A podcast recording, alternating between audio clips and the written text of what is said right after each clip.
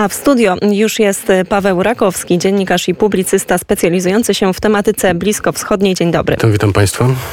No właśnie, my wielokrotnie już na antenie Radia Wnet opowiadaliśmy tutaj o tym konflikcie palestyńsko, e, chyba właśnie palestyńsko-izraelskim. Wcześniej mówiliśmy o arabsko-izraelskim, a teraz już chyba, chyba trzeba mówić o palestyńsko-izraelskim. Proszę powiedzieć, na co dziś po tych kilku dniach eskalacji należy zwrócić szczególną uwagę? Na wielosektorowość. Absolutna wielosektorowość e, tego e, obecnych wydarzeń. To znaczy mamy najświeższe, najświeższe doniesienia o tym, że tłumy Palestyńczyków mieszkających w obozach dla uchodźców e, w Libanie Libanie e, idą, maszerują na granicę e, libańsko-izraelską. Mamy informacje o zamieszkach w Jordanii. Jordania to jest, to, tam mieszka 80% e, to są Palestyńczycy i też tam są, są, są demonstracje zamieszki, nawet przejścia przez, przez Jordan, żeby tutaj do tych, na, na te tereny zachodniego brzegu dojść. No to muszę, muszę powiedzieć wprost, że obalenie dynastii haszymickiej oznacza, że powstanie państwa, państwa palestyńskiego w miejsce Jordanii.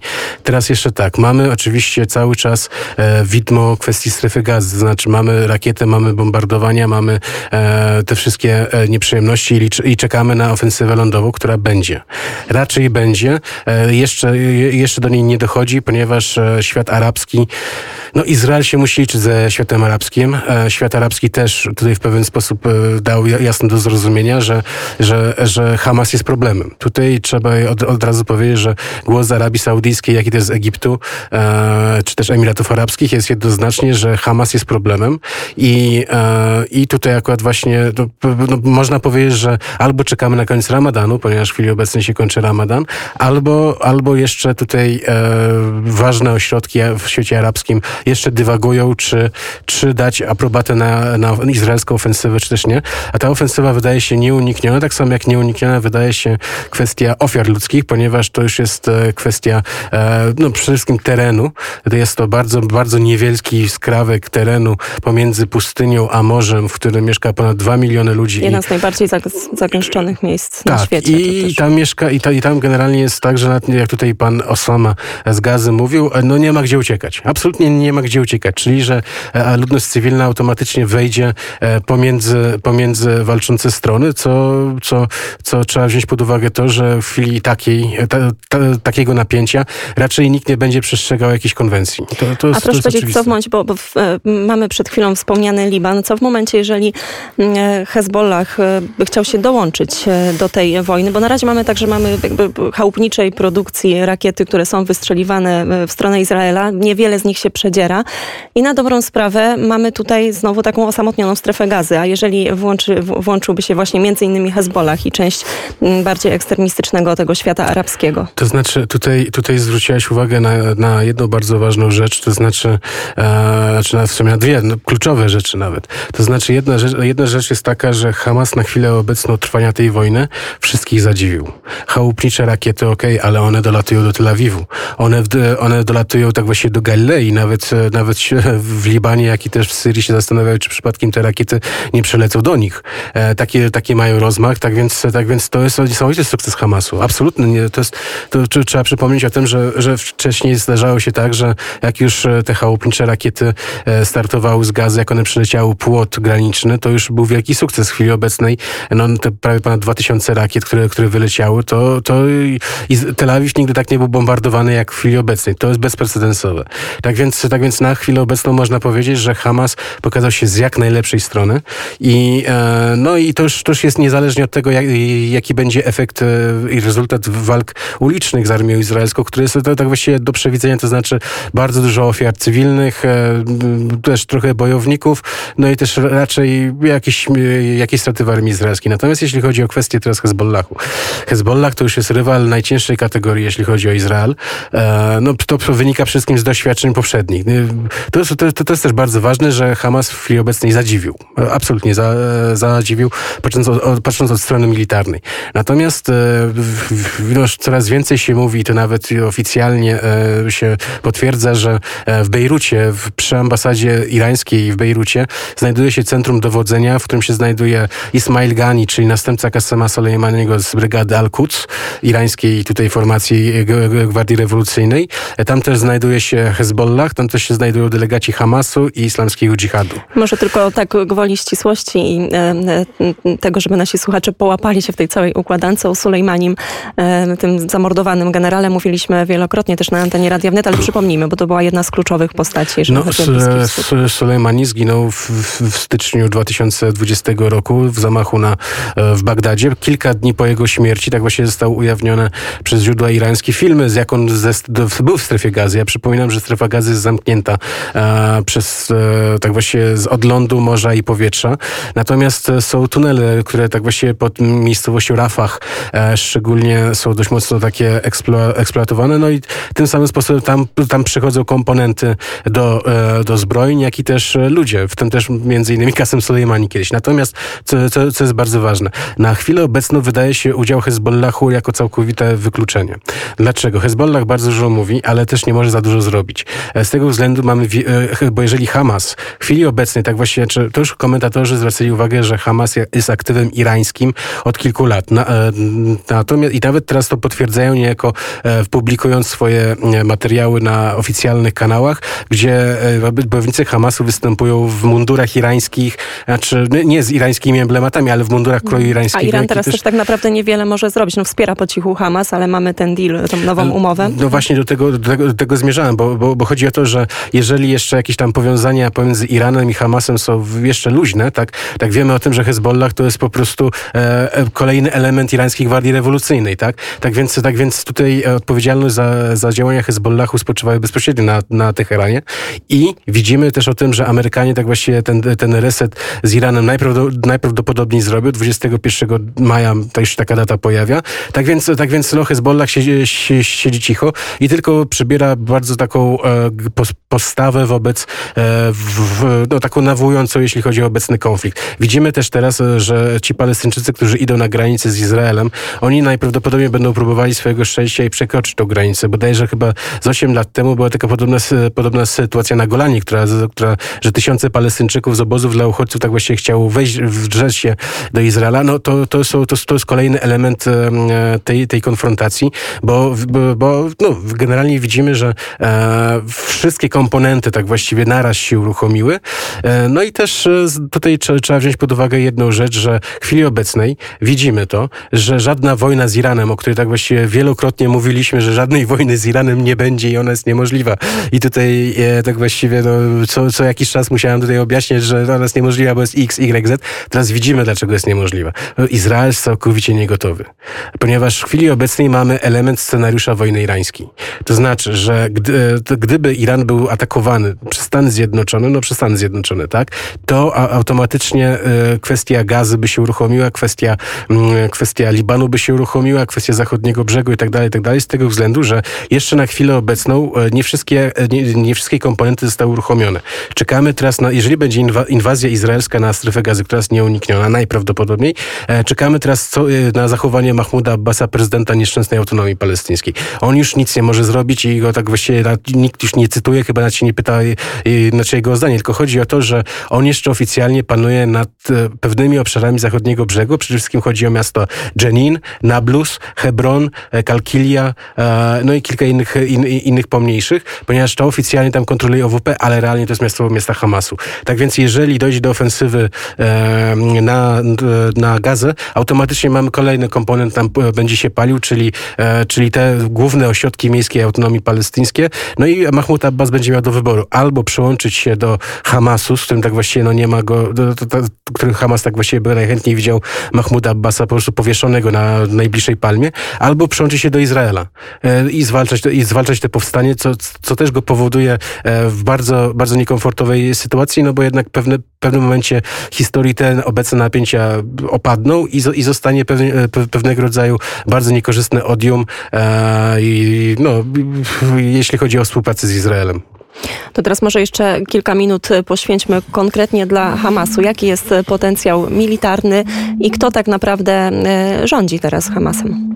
To znaczy tak, Hamas jest organizacją, która jest wielkim nieszczęściem dla e, sprawy palestyńskiej, z tego względu, że e, Hamas jest oczywiście organizacją najpoważniejszą, jeśli chodzi o zbrojny opór wobec Izraela, natomiast Hamas wcale nie walczy o wolną, demokratyczną i przyjazną Palestynę dla świata ogólnego, tylko walczy o Palestynę islamską. To jest bardzo duża różnica, ponieważ e, dlaczego świat arabski w chwili obecnej całkowicie dystansuje się od Hamasu? Ponieważ e, świat arabski, e, chociażby tutaj w postaci takich liderów jak Mohammed ibn Salman czy Mohammed ibn Zaid, no tak właściwie chcą reformować ten świat i iść ku potrzebom XXI wieku. Też, też tak jak już mówiłem wcześniej, Mohammed ibn Salman no, pewne rzeczy zauważył odnośnie islamu, które, które, które trzeba tutaj e, przemyśleć. Tak? Natomiast e, co różni Hamas od ISIS, tak? no bo te organizacje się generalnie zwalczały, ale te, te zwalczanie to nie, było, nie, nie chodziło o jakąś wielkie różnice religijne, tylko przede wszystkim chodziło o to, że ISIS uważało, że nie ma, nie ma sensu powstania Palestyny. Ponieważ, ponieważ Hamas to trochę tak jakby PPS w, w historii polskiej, e, tak właśnie uważa, że najpierw e, niepodległość, a później e, globalny socjalizm, tak? Czyli, czyli z punktu widzenia Hamasu najpierw islamska Palestyna, wywalczona przez dżihad, a później światowy dżihad, tak? Czyli, czyli, czyli to jest bardzo istotne, ponieważ Palestyńczycy w chwili obecnej, znaczy już no, nawet, nawet nie w chwili obecnej, ale trzeba wziąć pod uwagę też, że te wzorce tego integryzmu muzułmańskiego, które między innymi przez Hamas jest, znaczy są narzucane, no to one są generalnie obce mentalności palestyńskiej, no bo mentalność palestyńska, palestyńskiego islamu jest bardziej liberalna, o wiele bardziej liberalna. Możemy zobaczyć stroje ludowe, tak? No to, to, to nie są żadne burki, prawda, żadne nikaby i tak dalej, tylko, tylko bardzo fajne, kolorystyczne i, i, i ciekawe rzeczy, które Hamas automatycznie też zwalcza, tak? No bo to jest jednak haram. Tak więc, tak więc, tak więc jeśli chodzi o Hamas e, i, i potencjał militarny, e, to oczywiście, są, to oczywiście są rozbieżności, ponieważ e, Hamas jest podobnie rozbudowany jak Hezbollah, to znaczy ma struktury charytatywne, z których zresztą wyrósł, ponieważ w latach, na początku lat 80. Ahmed Yassin tak właśnie prowadził działalność charytatywną i religijną. Izrael, wtedy okupujący strefę gazy, tak właśnie nie, in, nie ingerował w te sprawy, tylko że chodzi o to, że później wychowankowie szejka Ahmeda Yassina w pewien sposób e, no, przestali grać w piłkę, a zaczęli trzymać karabiny, a szczególnie noże. I, i, jeżeli zobaczymy tę rewolucję, którą tak właściwie Hamas proponuje, to na samym początku ona nie uderzała w armię izraelską czy w Żydów jako w ogóle komponent e, jakiś tam obcego, obcego najeźdź, tylko uderzała w sam elektorat palestyński. To znaczy Hamas likwidował konfidentów izraelskich wśród społeczności palestyńskiej. Dlatego też w mieście Gaza jest plac czerwony, no bo tych konfidentów tam wieszali. E, Hamas likwidował sklepy z alkoholem. Hamas tak właściwie tutaj e, biczowali kobiety, które były nieskromnie ubrane.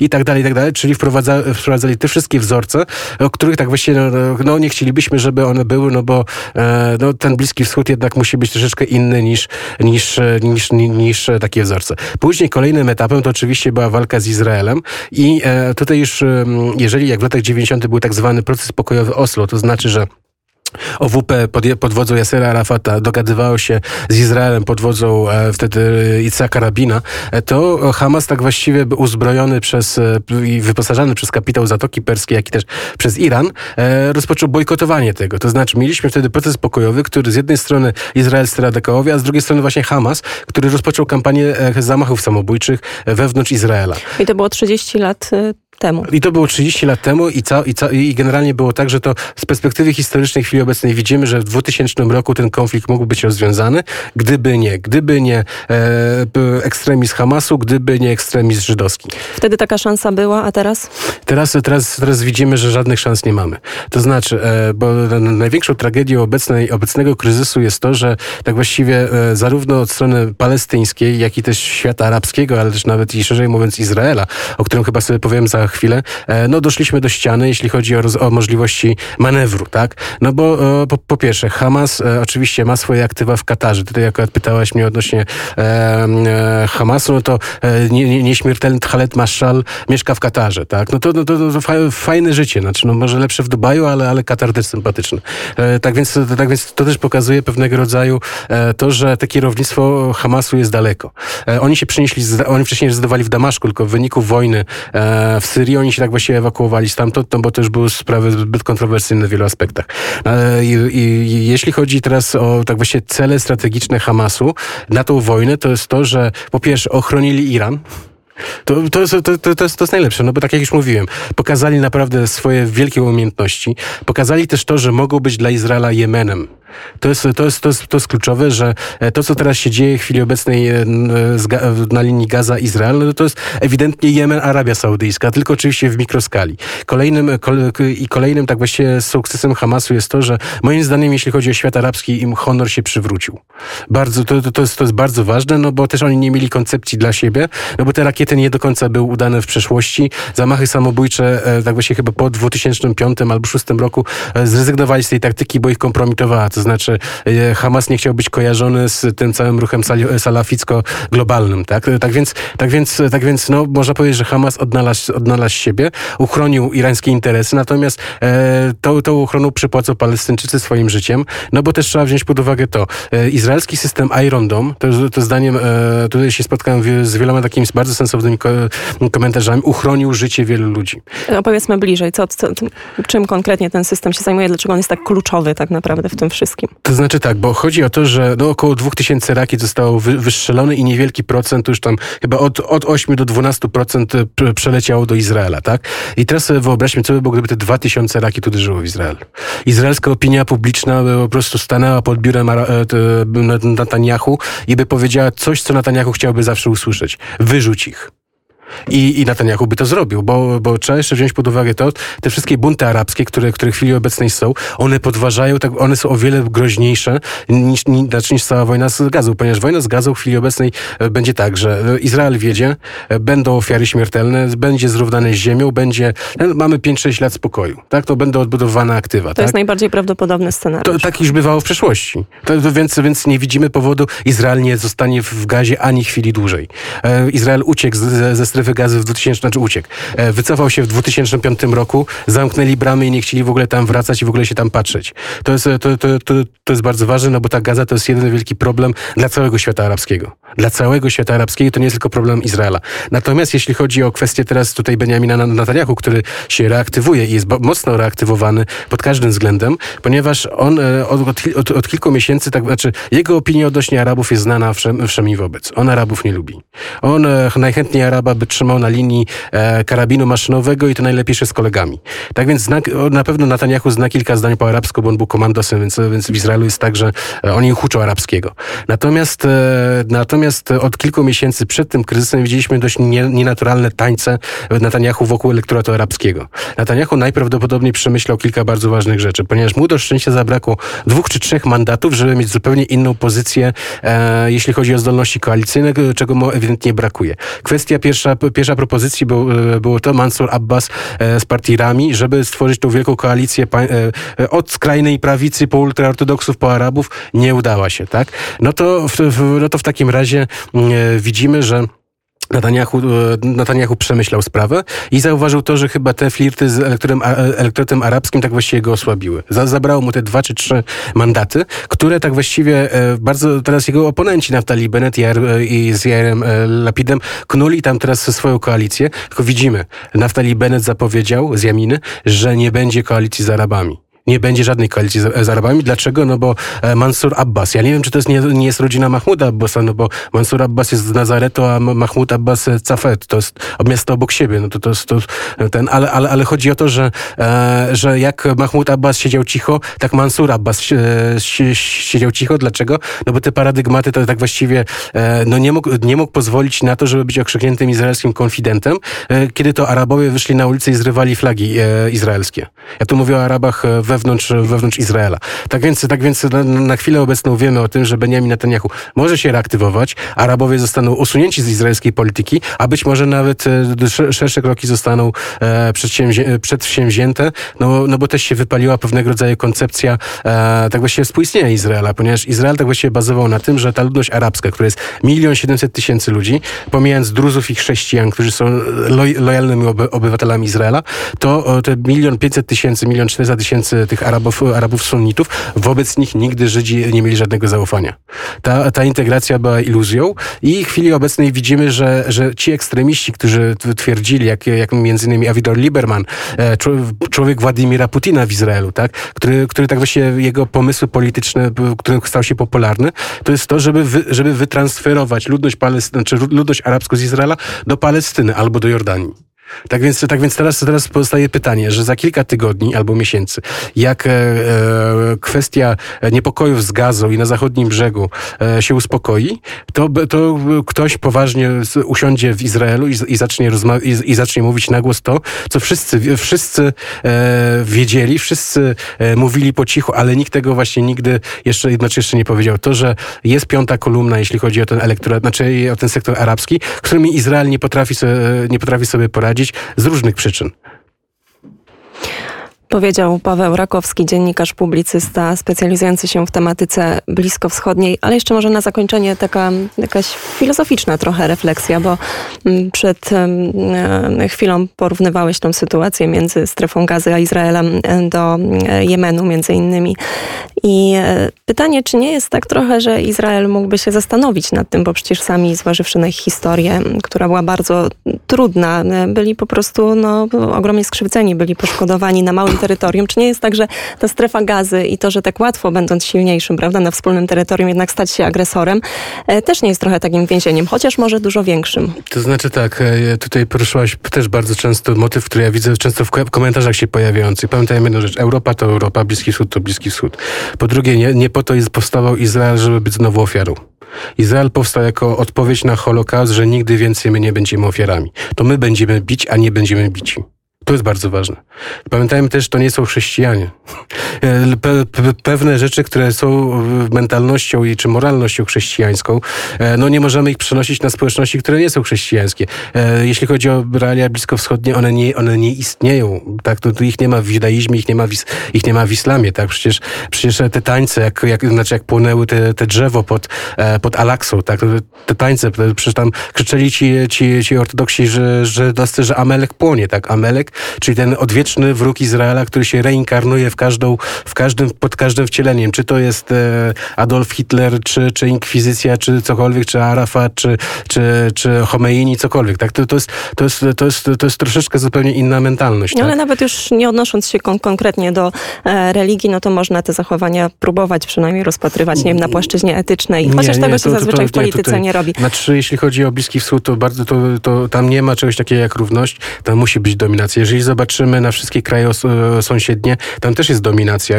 Egipt rząd wojskowy, Jordania królestwo, e, Syria wiadomo co, Liban tam też jest określony porządek, że kto jest prezydentem, a kto może być premierem. Tak więc e, to są te, e, to, to, to są te realia. Izrael, jak i też inne kraje okoliczne, to nie jest Skandynawia, to nie jest kultura skandynawska i to to, to trzeba zawsze mieć, mieć na uwadze. No i no, takie, taka jest prawda, tak? I, I, na chwilę obecną, tak właściwie, jeżeli, znaczy jeżeli widzimy, e, to, że na, ja się tak teraz w chwili obecnej z, zastanawiam, a dlaczego Egipt nie otworzy granicy ze strefą gazy? Niech, e, dlaczego nie, nie, nie powstają miasteczka uchodźców? To znaczy, okej, okay, dobra, przyjmujemy wszystkie kobiety i dzieci i starców, a niech mężczyźni zostają tak? Ale nie ma czegoś takiego. Tak więc, tak więc ja nie wiem, czy akurat tu brakuje wyobraźni, czy, czy Egipt się nie zgadza, prawda, czy, czy, nie, czy organizacje międzynarodowe nie chcą tutaj tych, jakichś namiotów zrobić. Ja e, tego nie wiem, tak? No ale mamy najgorszą z możliwych chwili obecnej e, sytuacji. Czołgi izraelskie wiodą do gazy. Powiedział Paweł Rakowski, e, dziennikarz, publicysta bliskowschodni.